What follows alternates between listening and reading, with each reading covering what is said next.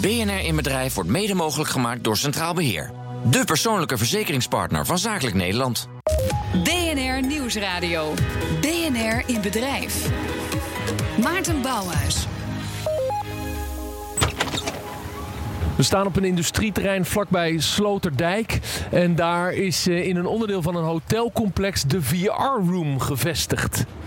Ja, die zitten er eigenlijk nog maar net. Maar als ik daar naar binnen loop, dan is het een grote, donkere, beetje grijs, kale ruimte met vooral heel veel schermen en VR-brillen en natuurlijk uh, controllers die erbij horen. Want dit is een wereld, VR, waar je spelletjes kunt doen, bijvoorbeeld je bedrijfsfeest of je kinderfeestje. Dit is een wereld waarin de ruimte eigenlijk heel kaal is, maar de bedoeling is ook dat je een VR-bril opzet, waardoor je in een compleet andere wereld terechtkomt. Nieuwe technologie in een nieuw medium. En dat op een van de oudste media ter wereld, de radio.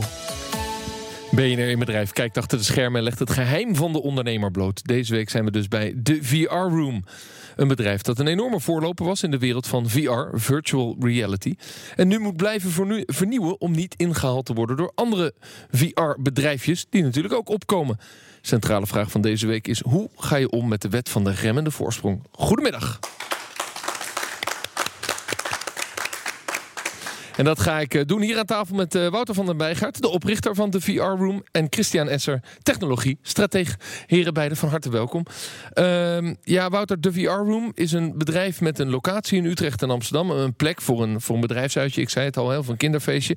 Uh, dus in plaats van bolen en steengrillen of het ouderwetse lasergamen gaan we tegenwoordig VR doen. Wat even voor de luisteraar die dat nog nooit heeft gedaan, en dat zijn er vast best veel. Wat is het dan? Wat kan ik hier dan doen? Uh, ja, eigenlijk uh, wat je kan doen is, is, letterlijk alles van, van rustig duiken in, uh, in, bij een koraalrif tot aan uh, zonbeschieten, zeg maar. En alles ertussenin. Ehm, dus het, het, mooie hiervan is dat je eigenlijk niet zo heel veel echte ruimte hebt, maar alleen virtuele ruimte betreedt. Um, dus ja, je zet je headset op, je waant je in een compleet andere wereld. En elke vijf minuten zet je ook in een andere wereld. Dus, ja, dat is zo'n zo zo'n grote headset die mensen wel eens gezien hebben. Zo'n groot ja. blok voor je ogen. Ja, niet met een telefoontje echt een goede. Uh, uh, ja, want je hebt ze ook met telefoontjes ja, hè, die je van VR. karton wel eens, wel eens krijgt. maar een, een echte VR-bril. Bril, en dan, dan kom je in een virtuele wereld en kun je op de rand van een klif staan en er ja. vanaf springen. Onderhand, nou, springen zou ik niet doen. Lopen eerder en dan, maar goed. En dan voel je die beleving. denken dat springen ook werkt. Ja, ja precies. nee, je ziet voor. het al, ik ben heel ervaren. Hoewel ik net even heb mogen spelen. Ja. en waar, waarin we aan het lasergamen waren en een, een, soort van spel tegen elkaar moesten spelen in, in een soort van ja, Star Trek-achtige wereld. Ja, je ging aardig los, ja. Zo heb ik dat ervaren. U kunt dat op LinkedIn allemaal zien. Um, in 2016 ben je begonnen toen uh, VR nog in de kinderschoenen stond. Uh, maar jouw filosofie was toen al, je moet de eerste zijn. Hoe, hoe heb je dat aangepakt? Nou, uh, eigenlijk, uh, het was voor mij redelijk uh, toevallig ook. Ik zag een keer een YouTube-filmpje terwijl ik gewoon ja, bij een ander bedrijf aan het werk was. En ik zag iemand in VR, dus ik dacht, hé, hey, dat is lachen. Dat wil ik ook gewoon een keer doen, gewoon als klant. Dus ik googelde, maar ik kon niks vinden. Dus ik dacht, hoe, hoe kan dat niet? Want dit is, dit is toch gewoon fucking vet. Um, dus uh, nou, verder googelen. Uiteindelijk dacht ik, weet je, ik ga het gewoon zelf doen. Dus uh, uh, ik vroeg aan mijn boer, joh, doe me even twee PC'tjes, twee headsets. Ik google, hoe start ik een eenmanszaak? En ik begin gewoon. Nou, zodoende wist ik ook, omdat ik gewoon zo weinig budget had, ik moet hiervoor gewoon de eerste zijn als mijn enige kans om door te breken qua marketing en dergelijke, want ik heb gewoon geen budget.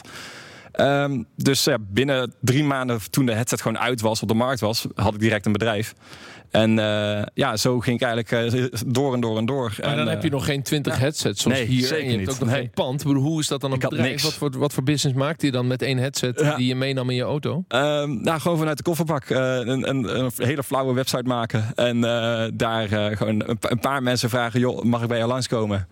En uh, iedereen vond het echt zo ongelooflijk gaaf dat ik dacht: oké, okay, hier zit misschien wel wat in. Maar ging je dan en, naar een bedrijf toe en dan gingen ja, ze daar een game precies, spelen? Juist, ja. Maar dan kon iemand alleen, alleen spelen, want je had één headset. Ja, uh, nou, ik had toevallig toen twee headsets, maar uh, dus je ja, kon tegen elkaar spelen. Je kon in theorie tegen elkaar spelen, maar alleen al puur de ervaring van die headset op hebben was al zo mindblowing, want het was toen echt totaal niet bekend. Dus het was eigenlijk redelijk simpel om toen mensen te entertainen. En dus ik ben gewoon direct door, doorgegaan. En van alle omzet die ik had, direct weer een nieuwe headset en een nieuwe en een nieuwe, nieuwe computer. Zonder jezelf uit te betalen, uiteraard. En gewoon doorgaan. Maar dan hebben we het dus En, over eh, 2016. 16, ja. Dus dat is, ja. Christian, dat is pas drie jaar geleden. Ja. Terwijl we nu toch, de, de, nou, nou, de meeste mensen die luisteren, die hebben wel zo'n headset gezien. Of ze misschien een keer op een congres een keer opgehad. Dus het is al best wel, eh, laten we zeggen, gewend geworden. Of in ieder geval, we weten dat het er is. Absoluut. Hoe snel dat dan gaat.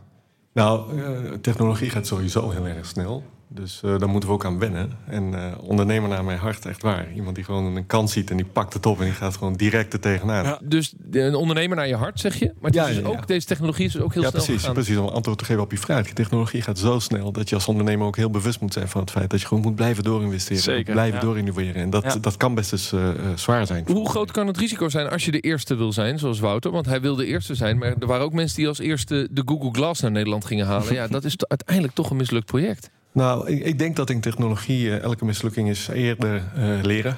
Dat horen we aan alle kanten. Dus, eh, en ik ben heel erg met hem eens. Als je de eerste bent, heb je een voorsprong. Zeker als je geen geld hebt om het vervolgens te promoten. Dus dat, is, eh, dat, dat heeft hij goed gedaan. En vervolgens accepteer het feit dat je gewoon of een fout maakt... of technologie inkoopt die over een tijdje gewoon weer vernieuwd moet Ja. worden. Maar Heb ik is ook voldoende gemaakt. Absoluut. Maar Wouter, hoe werkt het dan? Want waren er direct games op de markt die je dan kunt spelen? Want die kon je natuurlijk niet zelf ontwikkelen. Nou, het het zijn sowieso niet games, het zijn eerder experiences. Oké, Eh, ja. Want eh, ja, VR is sowieso, eh, het is meer, je doet het met je lichaam in plaats dat je op knopjes drukt. Dus je hoeft niet op C te drukken om te bukken, je bukt gewoon. Dus eh, nou, dat ten eerste. Maar er waren in het begin ook maar tien spellen. Eh, niks anders. En eh, daar moest je het mee doen. En eh, ik heb al redelijk snel gewoon direct de developers zelf benaderd van... joh, eh, ik weet dat het commercieel is, dus mag ik hier een licentie voor, een toestemming voor? Want anders is het net zoals, ja, je, je downloadt een film en je vraagt er geld voor. Uh, dus ik wilde, wilde ik al vanaf het begin af aan wel eerlijk doen. En uh, ja, naarmate er steeds meer, meer spellen uitkwamen, moest, moest ik telkens heel goed gaan bedenken: oké, is dit werkelijk goed genoeg voor gasten? Gaan ze dit begrijpen? Leuk dat het een spel leuk is voor mij, maar iemand die nog nooit VR heeft gedaan, die snapt niet direct alle knoppen. Hoe dus leg jij je dat probeerde, uit? zeg maar, als nerd met de nerds te praten, maar dan de vertaling te maken naar de niet-nerds. Nou, zoals, zoals uw presentator die net een spel heeft mogen spelen. Ik moet Ja, het ook ja. begrijpen. Precies, ja. En, eh, en helemaal in het begin, elke gast die langskwam, vroegen we gewoon direct: joh, we zijn net aan het beginnen. Kan je ons alsjeblieft vertellen hoe we dit nog vetter kunnen maken? En dus, mensen zagen ook gewoon hoe, eh, ja, wat, hoe de passie erachter zat. En ehm, ja, zodoende gaan ze ons en sneller een positieve review en een hele eerlijke feedback. En dus aan de hand van wat de gasten wilden, zo creëerden we het product. Want besef wel, ik was dus de eerste, dus ik moest zelf bepalen hoe deze markt eruit ging zien, soort van, want niemand deed het. Dus het is Had niet, je dat ja. dan toen door, in 2016, misschien 2017, dat je een markt aan het maken was? Absoluut. Of was jij gewoon aan het, Ja. aan het rennen en maar kijken waar, waar je uitkwam? Eh, nee, ik was vanaf het begin af heel redelijk bewust. Oké, leuk dat we hier spellen hebben. Maar eh, dan heb je eigenlijk niks anders dan tussen haakjes een PlayStation met spellen erop. Hoe maak je nou een customer journey van? Daar was ik vanaf het begin af aan er heel erg eh, bewust van. En zodoende ging ik steeds door en door en door. Om gewoon een hele tijd aan gasten te vragen: joh, hoe moeten we het vetter maken? Ook aan, aan mijn collega's, gewoon medestudenten destijds. Van, joh, vertel, we hebben hier dit, dit is vet, maar hoe maken we dit nou? Uiteindelijk zijn er ook andere Hapbaar. partijen die VR gaan aanbieden. Ja, ja. Ja. Eh, eh, eh, wat dacht je toen de eerste concurrent op de markt kwam en hoe ben je daarmee omgegaan? Ik dacht top. Wa- wa- waarom? Eindelijk wordt de taart groter, dacht ik. Want is dat wat er moet gebeuren, dat de taart Absoluut, groter wordt? ja. ja. Ehm, het, het, het eerste doel moet, is, is gewoon VR, eh tenminste virtual reality entertainment, moet op een lijstje komen. hey schat, wat zullen we vanavond doen? Zullen we bowlen? Zullen we eh laser gamen, escape spelen? Of zullen we VR doen? Maar dat is het nog steeds, nog niet. Nog steeds niet. Dus op dit Nee, moment... maar goed, het juich kan ook juist niet zo op heel veel plekken. En bowlingbanen zijn er natuurlijk echt overal in Nederland. Klopt. En eh, daar- ik wil juist eerst dat die... Dat, het gros van Nederland in ieder geval begrijpt dat je het kan doen. En daarna wil- is het eigenlijk pas relevant als je gaat concurreren om een percentage van die markt. Natuurlijk, tegelijkertijd moet je eigen product goed blijven. Maar het is, het is eerst belangrijk dat het gros het snapt wat het is. Zie je dat vaker in technologie, dat ondernemers zeggen... ik hoop dat er concurrenten komen, want dan wordt de taart groter? Absoluut, absoluut. Je moet, je moet uiteindelijk zorgen dat de markt gewoon of je product de markt penetreert. Ik ben ook heel erg benieuwd naar of eh, eh, het thuisgebruik van VR voor jou ook heel belangrijk is. Ik neem aan van wel. En, Is er eh, veel thuisgebruik? Ehm, nou, ironisch genoeg, ehm, eh, toevallig genoeg, de, slechts 5% van de mensen die bij ons komen, die spelen het ook echt thuis. De meeste mensen zijn gewoon echt nieuwsgierig. hey, wat is dat VR? Ja, maar lasergamen doe ik ook niet thuis. Nee, maar, eh, En bowlen overigens ook niet. maar eh, VR kan je al thuis doen. Th- Thuis kan je natuurlijk niet een bowlingbaan doen per definitie. Maar bijvoorbeeld lasergamen kan je ook vergelijken. Oké, mensen spelen wel shooters thuis en gaan dan lasergamen Ja. het echt. Ja, mijn kinderen denken overigens wel dat ze thuis kunnen bowlen, maar dat terzijde. nee, oké, dus maar een klein percentage doet het thuis. Ja, Eh, ja, eh, en dat vind jij verrassend? Ehm, Omdat nou, je denkt, als je die wel. ervaring hebt gehad, dan wil je dat toch thuis ook? Eh, Ja, in het in het begin vond ik dat verrassend, maar achteraf gezien, ehm, het is voor, voor veel mensen is het, is het echt zoiets van, nou, net zoals met boden, je kan het thuis niet doen. Dus dat maakt het juist gaaf dat je het ergens anders wel kan doen. Ja. En daarnaast ook, ook voor de mensen die het wel thuis hebben, wij bieden hier gewoon veel meer ruimte. Ja, we bieden gewoon echt een extreem gro- grote ruimte. Wat is het? Eh, 8 meter bij 4 meter. Ja, dus een andere ervaring. Die technologische wereld verandert dus ontzettend snel. Hè? Daar gaan we het straks nog wel eventjes over hebben. Is dat dan moeilijk, zie je dat om je heen, eh, voor ondernemers om bij te houden? Ja, dat is een dagtaak. Hè. En uiteindelijk, wanneer het onderdeel wordt van je zijn, van je werk, dan eh, ga je het gewoon ook bijhouden omdat het een noodzaak heeft. Ja. Als je het echt moet gaan leren, dan is het soms best eh, pittig. Ja. Denk je dat het bij eh, VR om gamen gaat? Dan heb je het helemaal he- mis. Behandel het als horeca en alles valt op zijn plek. Zometeen meer in BNR in Bedrijf. BNR in Bedrijf wordt mede mogelijk gemaakt door Centraal Beheer. De persoonlijke verzekeringspartner van Zakelijk Nederland. BNR Nieuwsradio. BNR in Bedrijf. Mijn naam is Maarten Bouwers, van harte welkom terug. We zijn deze uitzending bij BNR Bedrijf te gast bij de VR-room. En we praten over de wet van de remmende voorsprong. Want de VR-room was er zo vroeg bij dat anderen nu profiteren van de ontwikkeling die de VR-room heeft doorgemaakt. Aan tafel nog steeds Wouter van den Bijgaard, oprichter van de VR-room en Christian Esser, technologie-strateeg. Ja, Wouter, wij doen elke week een polletje eh, onder onze luisteraars eh, met de vraag van de week. Is het goed om als bedrijf de eerste te willen en moeten zijn. Antwoorden ja, je moet voorop lopen, zegt 25%. Nee, wachten is soms beter, zegt 75%. Oftewel, de gemiddelde eh, luisteraar van ons... die is iets conservatiever ingesteld. Die zegt, wacht nou maar even tot de early adopters... de markt uitvinden en stap dan in. Begrijp je dat? Ik ben het op zich al mee eens, met nadruk eh, op het woordje soms. Eh, want het hangt echt compleet af van welk product je hebt en welke markt je zit. Eh, stel nou dat ik eh, een, een heel zwaar technologisch product op de markt wil brengen. Nou, dat zit iets meer risico aan dan in mijn geval bijvoorbeeld. Maar Dus- waarom was dit niet risicovol? Want je moet investeren in de VR-brillen. eh, je moet toch behoorlijk lang, laten we zeggen, leuren en zeuren... om een beetje markt te creëren. En dan sta je Ja. nog maar aan het begin. Dat heeft toch ook Ja. een risico? Nou, eh, het, het begin was eigenlijk zo goed als geen risico. Eh, want ik, dacht, ik dacht letterlijk, ik koop twee PC'tjes, twee headsets. Als het misgaat, verkoop ik ze op Marktplaats. Heb ik misschien 1000 euro verloren. Poepoe. Dat is te doen. Precies. En pas toen ik dus zeker wist dat iedereen hem uit zijn plaat ging, dacht ik: oké, hier zit dat in. Dus nu ga ik door. Oftewel, ik heb al eens een Is dat het doel? De gebruikers moeten uit hun plaat gaan? Ja, absoluut. Ze moeten het gewoon vet vinden. Eh, Heel simpel. En eh, het, het gaat met ten eerste gewoon puur: oké, het moet goed zijn. Daarna kijk ik welke ik er geld aan, aan verdien. Ehm, want ja, eh, als, eh, als je een half product hebt, puur eh, omdat je meer volume wil draaien, dan ga je er toch een keer aan onderdoor. Heb je last van de wet van de remmende voorsprong? Eh, Die houdt in, eh, doordat jij de eerste ontwikkeling pakt, eh, kunnen eh, ontwikkelaars daarna eigenlijk eh, sneller eh, doorpakken en hebben minder Ja. legacy uit het verleden in hun bedrijf. Ja, eh, gedeeltelijk. Ehm, een groot gedeelte van het bedrijf zit wel nog steeds in tested knowledge. Oftewel dat het gewoon in ingebedde kennis zit. Maar ehm, veel dingen als... ja, wij, kunnen maar, wij moeten daar, hoeven maar één keer het wiel uit te vinden. En andere mensen gaan er wel mee aan de slag, inderdaad. Bijvoorbeeld welke spellen wij aanbieden... zien we heel vaak dat andere, partijen die ook aanbieden. Maar ook de manier van hoe we het aanbieden. Ehm, er zijn ook een paar partijen, dat voor wie ik ook weet... dat ze eerst bij ons zijn lang- langsgekomen... om te kijken hoe onze customer journey is. En dat dan proberen te kopiëren. Ehm, Ja, en, dus je eh, wordt ja. gekopieerd. Vind je al dat partijen het beter doen dan jij? Eh, ja, ik kan ik. Nee, sorry. Of is het een groot compliment om gekopieerd te worden? Eh, ja, eigenlijk wel. Ehm, in, in het begin vond ik dat absoluut ook. Dat ik gewoon zie dat andere mensen dezelfde, op dezelfde manier het aanbieden. Ehm, en eh, ja, het, het grootste verschil merk ik er echt nog steeds in eh, de manier waarop. Dus ja, hoe je met je gasten omgaat. Want de spellen, natuurlijk, die kan, kan iedereen pakken. Maar het is aan jou om te kiezen, oké, hoe ga je de spellen presenteren? Ehm, hoe ga je met je gasten om? Hoe ga je het ze uitleggen? Want dat roept natuurlijk de vraag op waar jouw onderscheid zit. Hè? Want je begint inderdaad met een paar controllers en een computer. En dan Ja, gaat het over. dat kan iedereen. Je noemt dat vet. Hè? Dus de, de beleving moet te gek zijn. Mensen moeten uit hun plaat gaan. Maar dan Ja. heb je een bedrijf. En een bedrijf heeft een pand. En mensen Ja. komen hier naartoe met hun, eh met hun vrijgezellenfeest. Ja, En ze verwachten meer dan alleen de computers. absoluut. Ja, Hoe, hoe heb je dat aangepakt? Hoe, hoe ben je met je personeel bijvoorbeeld eh, omgegaan? Op een gegeven moment, ja, je, je bent alleen begonnen. Nu heb je personeel in dienst. Ja, Hoe ja. waar selecteer je die op? Zijn het allemaal nerds? Absoluut niet. Nee, eh, ik heb eigenlijk maar twee echte nerds. En eh, het geluk wil hebben dat er ook nog eens sociale nerds zijn. Eh, maar die twee nerds, dat zijn eigenlijk, ja, wij noemen ze dan onze hackermen. De, de mensen die de IT-support doen. Eh, maar voor de rest zijn het allemaal gewoon bij ons sociale mensen. En die leren wij wel hoe die computer werkt. Want dat is bij ons gewoon nummer één. De, gasten moeten zich op, op zijn gemak voelen. En daarna komt pas wat, wat het spel doet eigenlijk. Want dat runt, runt zichzelf. De, de ervaring, de, de toegevoegde waarde die je hebt als bedrijf, is juist de customer service. Maar betekent dus dat uh, het succes van jouw businessmodel zit hem in de klantbeleving? En dus in de, in, de, in, de, in de sociale medewerkers die je hebt om mensen die beleving te geven, meer dan in de technologie. Ja, eigenlijk wel. Ja, dat vat je best wel goed samen, inderdaad. Uh, daarnaast, uiteraard, ook hebben we een paar spellen die echt uniek alleen bij ons gespeeld kunnen worden. Waaronder het VR Laser Game, wat echt gewoon bijzonder goed is. Ja.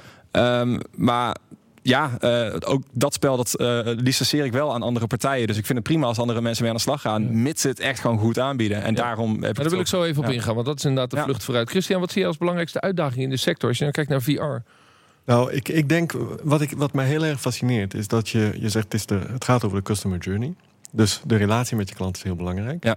En uh, ik vraag me af vanuit je ondernemersperspectief, als het ook je wens is om upstream naar de markt gewoon informatie terug te geven, om producten te laten maken die tailor-made zijn voor jou bijvoorbeeld. Ja. Want jij ervaart dingen, je hoort dingen van klanten. En die informatie is heel waardevol om weer nieuwe dingen te ontwikkelen. Ja, dat hangt natuurlijk aan die wet van de remmende voorsprong. Als je twee jaar stilstaat in, in een bedrijf als dit, dan, dan kom je dus vanzelf op achterstand. Ja, dat ja, houdt het dus, je, dus je moet niet bij de uh, lauweren neer uh, zitten, zo heet dat toch? Ja, ik denk, het. ik denk het, ja. Uh, op je lauweren rusten, dankjewel. um, en dus niet bewegen. Nee, precies. Maar en, en inderdaad, ik denk dat de industrie die het maakt... heel veel behoefte heeft aan ondernemers zoals jij. Ja, de developers vinden het ook prachtig dat Precies, want de, de hele software-industrie en is, is gebaseerd op feedback van gebruikers. Oké, en dus ben je nu begonnen met VR-lasergamen. Ja. Uh, dat is eigenlijk helemaal geen lasergamespel. Nee, uh, nee ja, het spel is heet, van origine het heet Tower Attack van een uh, Duitse developer. Uh, en al, ook al zij, zij begonnen al redelijk vroeg ook. En het allereerste spel wat ik had, dat was ook toevallig van hun. Dus ik was al met hen in contact. En toen zeiden ze, joh, wij gaan dit beginnen. Dus ik zei, ja, let's go, die wil ik ook al even doen. En na een half jaar zag ik, oké, hier zit best wel wat meer achter. Dus toen zei ik met een, joh, ik wil hier echt een los product van maken. Uh, normaal bij onze rooms hebben we 50 verschillende spellen. En ik wil dit niet de 51 laten worden. Ik maak hier een los product van. Dus dan zei ik, oké, uh, ik ga het een andere naam noemen. Ik wil exclusieve rechten ervoor. En voornamelijk omdat ik gewoon de kwaliteit van het spel hoog wil houden. Andere mensen mogen prima van mij overkopen met een bepaalde waarde. En uh, terug, uh, dat vinden ze ook prachtig. Wij, uh, wij zijn altijd hun testplatform. Dus als zij een nieuwe update uit willen brengen, testen wij hem eerst. Want zij weten dat wij echt als een malle kritisch zijn op elk klein detail. En dat koppelen dan hun terug, zodat zij weer Maar jij hebt het zelf ook lasergamen genoemd om aan te sluiten op de grote lasergame trend die we in Nederland ja. al 20 jaar ja. hebben, 25 jaar oud. Ja, lasergame.nl is beschikbaar. Dus ik dacht, let's go. Let's go. En dan heb je nu dus de licentie en die verkoop je weer aan andere VR-bedrijven. Klopt. Heb je die al verkocht? Ja, eentje doet het al. VR Café Haarlem. Uh, het uh, is dan powered by de VR-room als het ware. Dus wij trainen dan ook een personeel. We zetten alles gewoon neer. Het enige wat we vragen is gewoon een kale ruimte. En dan knallen we het er neer. En dan heb je eigenlijk een concept gekocht. Net en zij je, doen de investering? Ja, klopt. Ja, dus uh, het zijn en ze betalen per maand een licentie aan jou voor het Precies. gebruik van het spel. Ja. Dus, uh, hey Christian, heb je een schaalbaar model gebouwd? Ja, we hebben een goede ondernemer tegenover ons, denk ik. Ja. wat, wat, zal, wat zal de grootste, de, zeg maar, wat zal de volgende stap zijn? He, want dit gaat heel snel. Nu heb je een licentie-idee. Heb je samen met developers, uh, ja, zit je heel dicht bij de ontwikkeling van een spel. Wat is de vlucht vooruit, denk je? Nou, ik denk de, de, toepassingen sowieso. Want we hebben het hier heel erg over entertainment. Maar er zijn ook heel veel serious uh, toepassingen die gewoon ja. voor het bedrijfsleven. Voor, uh, ik zie heel veel dingen ontwikkelen in het, uh, in het onderwijs. Ik zie dingen ontwikkelen, ontwikkelen in het gezondheidszorg. Er zijn ontzettend veel toepassingen die overigens kunnen leren van deze industrie. Want ik denk ook dat de gaming-industrie, zeker als het gaat over dit soort devices, een, een, een grote, groot voorbeeld is voor alle andere industrieën. Dus ja. learnings kan je uitwisselen. Dus daar gebeurt heel veel. Maar dan wordt het interessant, want het is leuk, die entertainmentindustrie. Uh, maar goed, uh, verjaardagspartijtjes en, en, en uh, bedrijfsuitjes, daar gaat ook niet zo heel veel geld in om. Het wordt interessant als je in de learning-industrie komt. Ja, als je voor de automobielindustrie in Duitsland iets kunt gaan bouwen. Ja. Heb je de ambitie om die kant op te bewegen, zeg maar richting de Serious VR? Uiteindelijk wel, um, maar ja, je bedoelt geld. Ik doe het echt niet om het geld. Ik doe het gewoon dat ik, dat ik doe wat ik leuk vind. Ik ga al drie jaar lang elke ochtend met plezier uit mijn bed. En dat wil ik graag zo houden. En uh, ja, uh, er zijn al wel een paar dingen waar ik al heen wil buiten entertainment. Daar uh, kan ik helaas nou niet even over ingaan. Maar uh, ja, op, op, de hele korte termijn. Maar je hebt gewoon als ondernemer ook nog weer andere plannen dan. dan Uiteraard. Maar wel VR gerelateerd? Ehm, momenteel wel VR gerelateerd. Gewoon ook omdat ik. Ja, ik, ik zie oneindig veel mogelijkheden en toepassingen. ik volg natuurlijk non-stop alle artikelen, alle social media, alle nieuwste dingen die uitkomen. Ehm, ja, en ik word ook vaak gevraagd door andere partijen om hun inzicht te geven in andere sectoren. Nou, als Dus ik ja. aansluit op mijn luisteraar, dan zitten wij gewoon heel veel in de auto op weg naar zinloze meetings met mensen om een vergadertafel. Wanneer komt de VR-bril echt mainstream in de markt om gewoon thuis dat ding op te zetten en in een virtuele vergadering te zitten, zodat we inderdaad die file niet meer Ja. in hoeven? Toepasselijk, want we hebben deze week bij BNR de Mobility Week. Oh, kijk. Dus ja. la- laten we dan eens even kijken wat VR dan voor oplossing kan bieden. Wanneer, wanneer komt dat? Ehm, nou, eh, dat, eh, veel mensen denken dat het afhankelijk is van de hardware, maar het is echt afhankelijk van de content. Dus als er echt eens een keer goed content in komt, bijvoorbeeld toen WhatsApp uitkwam, iedereen ging ineens WhatsApp eh, gebruiken op zijn telefoon. Maar dat was pas toen het er was. De telefoon kon het al lang. Maar eh, totdat er een partij komt die echt iets goeds biedt, dan moet pas iedereen het gaan willen doen. Ja, dan toch over hardware gesproken. Je zit nu in Utrecht en Amsterdam met een, laten we zeggen, een echte fysieke VR-room. Ja. De VR-room. Eh komt er nog meer bij? Absoluut. Ja, oké. dus je wil ook zelf investeren los van het licentiemodel. Eh, ja, en eh, ja, ik ben al een paar interessante samenwerkingen aan het bespreken. Eh, mogelijk, eh, ja, ik ga even de locaties niet benoemen, maar die komen er wel aan, ja. Dit, dit gaat hard groeien, denk ik. Of niet, Christian? Nou, echt wel hoor. Ik, vind, ik zie echt een hele leuke ondernemer tegenover me die er echt zin in heeft. Dus ik, eh, het komt wel goed hoor. Techniek Centrale goed. vraag, hoe ga je om met de wet van de remmende voorsprong? Wat ik concludeer is, je moet het direct omarmen. De investering is helemaal niet zo hoog om gewoon eh, vol gas te gaan, zou je kunnen zeggen. En dus is het veilig in, dit, in het geval van deze technologie om er gewoon in te stappen en snel een product op te pakken. En, niet onbelangrijk, dan blijven ontwikkelen. En ik zie een parallele stroom. Aan de ene kant investeren in je eigen locatie. En aan de andere kant de licentieovereenkomst, waardoor je ook je risico's spreidt. Nou, zo kun je wel omgaan met die wet van de remmende voorsprong. Dankjewel uh, aan mijn gasten Wouter van den Bijgaard, oprichter van de VR-room. We waren bij hem te gast. En Christian Esser, technologiestratege. Leuk dat je bij mij aan tafel stond. Dit was BNR in Bedrijf. Volgende week zijn we er weer. En dan zijn we te gast bij Boon Edam in Edam. Bijna elke draaideur in Nederland komt bij hen vandaan. Maar tegenwoordig zijn beveiligingssystemen belangrijker voor ze dan die klassieke draaideur. Wil je hierbij zijn? Mail ons dan even inbedrijf.bnr.nl. Bedankt voor het luisteren. Tot volgende week. Dag.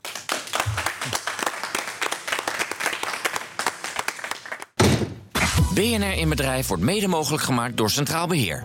De persoonlijke verzekeringspartner van Zakelijk Nederland.